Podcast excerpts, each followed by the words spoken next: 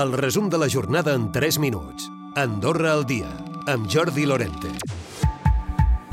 La variació percentual de l'índex general de preus al consum, l'IPC de l'any 2023, s'ha situat en el 4,6%.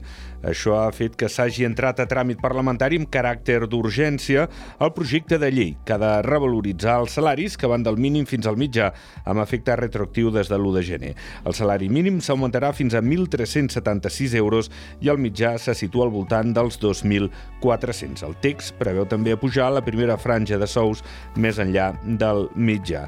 L'executiu valora positivament que finalment l'IPC sigui inferior respecte a l'any anterior i que pugui baixar encara més durant aquest 2024. S'hi referia el ministre portaveu Guillem Casal. Una uh, disminució significativa i important respecte a l'IPC que teníem l'any passat, que era del 7,2%, i fins i tot eh, una reducció important respecte al primer trimestre del 2023, on continuàvem registrant uns IPCs eh, molt importants i que també doncs, eh, ens feien preveure doncs, aquesta escalada de preus. Cau l'incidència d'infeccions respiratòries pel que fa a la grip i la Covid respecte del desembre. Són 380 casos per cada 100.000 habitants. Amb tot, la ministra de Salut, Helena Mas, ha explicat que es manté alt el nivell dels anys just abans de la pandèmia i que es manté l'obligatorietat de l'ús de la mascareta al servei d'urgències i d'hospitalització, així com a l'UCI, a l'Hospital Nostra Senyora de Meritxell. Helena Mas. Tenim una ocupació pel que fa a l'hospital alta i aquesta ocupació nosaltres l'assimilem a aquelles, a aquelles ocupacions que teníem pre, prepandèmia, per tant, les, les, els anys 2018-2019.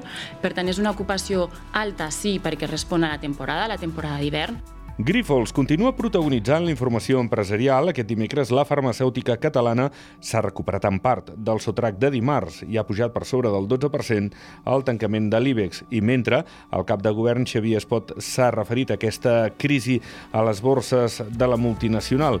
Demana prudència i recorda que la farmacèutica ha desmentit les acusacions que arribaven dels Estats Units d'una desviació dels comptes.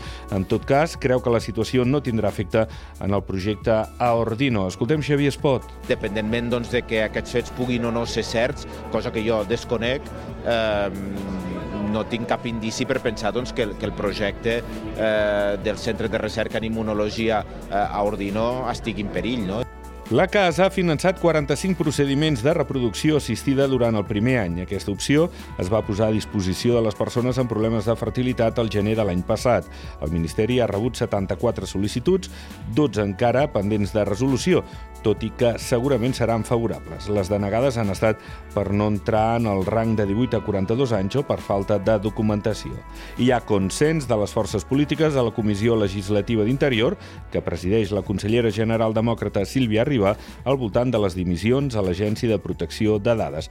Pel que fa a la directora de l'APD, Resmi Punjabi, Sílvia Riba diu que no s'ha parlat de cessament. Amb tot, acorden els grups parlamentaris modificar la llei per garantir la independència de l'organisme i dels seus treballadors. Recupera el resum de la jornada cada dia a AndorraDifusió.d i a les plataformes de podcast.